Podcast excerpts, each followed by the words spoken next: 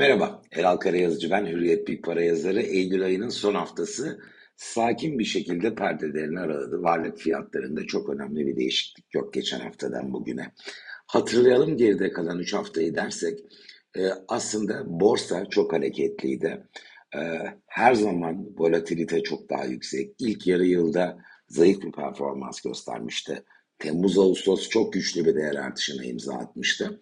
Eylül ayında iki yönde hareketler gördük Borsa İstanbul'da. Geçen hafta 8400 e, zirvesini test ettikten sonra ay ortasında 7663 puana kadar geriledi. Dolar bazında da 312 dolardan 283 dolara yaklaşık %10'luk bir geri çekilmeye sahne oldu Borsa İstanbul. Fakat Merkez Bankası toplantısından sonra 7663 olan e, ayın da en düşük seviyesinden hızlı bir geri dönüşe imza attı ve kapanışı 8039 puanla gerçekleştirdi. Şimdi tabelaya bakalım dediğimiz zaman Eylül'de BIST yine TL bazında pozitif getirdi. Yüzde bir buçukluk bir artışa imza attı. Ee, diğer geleneksel yatırım seçeneklerine baktığımızda altın yüzde birlik bir artışa imza attı. Euro yerinde saydı. Yüzde 0,1'lik çok sınırlı bir artışı var. Gümüş ise TL bazında %2'lik kayıpta Eylül'ün ilk 3 haftasında. Peki e, bu yarışta Eylül'de zirvede kim var derseniz muhtemelen enflasyon olacak zirvede. E, biz Eylül gerçekleşmesini Ekim başında öğreneceğiz. Ama ekonomistlerin beklentisi aylık %5'lik bir enflasyon. Hal böyle olunca da Eylül ayı özelinde ilk 3 haftanın sonu itibariyle geleneksel tüm yatırım seçeneklerinin enflasyonun gerisinde kaldığını görüyoruz. Peki sene başından bugüne durum nedir? TÜFE yani tüketici fiyat endeksi geçen yılı 1128,5 e, seviyesinde tamamlamıştı. E, Eylül gerçekleşmesi %5 olursa biz 9 aylık dönemin sonunda 1695 puana ulaştığını göreceğiz enflasyon. Hep konuşulan 12 aylık değişim oranı ama benim sizinle şimdi paylaştığım aslında geride kalan 9 ayda endeks nereden nereye gelmiş? Peki oran olarak bu 9 ayın enflasyonu kaça gelecek derseniz %50'lik bir enflasyon olacak. Geleneksel yatırım seçenekleri içinde e, hangisi enflasyonu yenmiş, hangisi enflasyonun altında dersek zirvede altın var. Liderliğini koruyor. Gram altının değer artışı %53.2.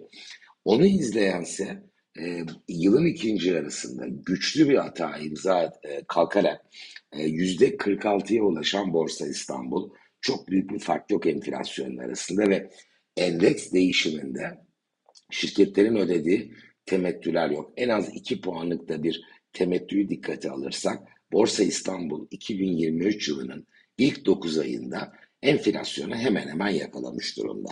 Dolar e, BIST'in %46'sına yakın aslında. %45.3'lük bir artışla doların da yükselişi 2023 ilk 9 ayda enflasyona yakın. Euro %44.6'da, gümüş %42.7'de. Aslında altını bir kenara bıraktığımız zaman diğer geleneksel yatırım seçeneklerinin birbirine hayli yakın olduğunu görüyoruz. Peki son çeyrek. Şimdi enflasyonla başlayalım.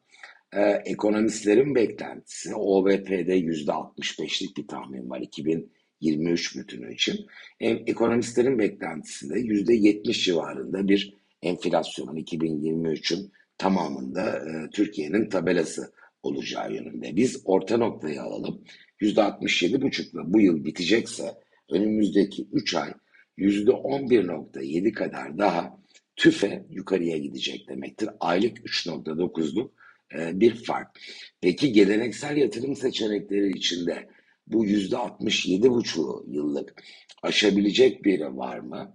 E, borsa her zaman iddiası olan bir seçenek. Gördük yılın ilk 6 ayında TL bazında sadece %4.5'tu getirirse bunu bir anda şimdi %46'ya taşıdı. O adaylardan biri.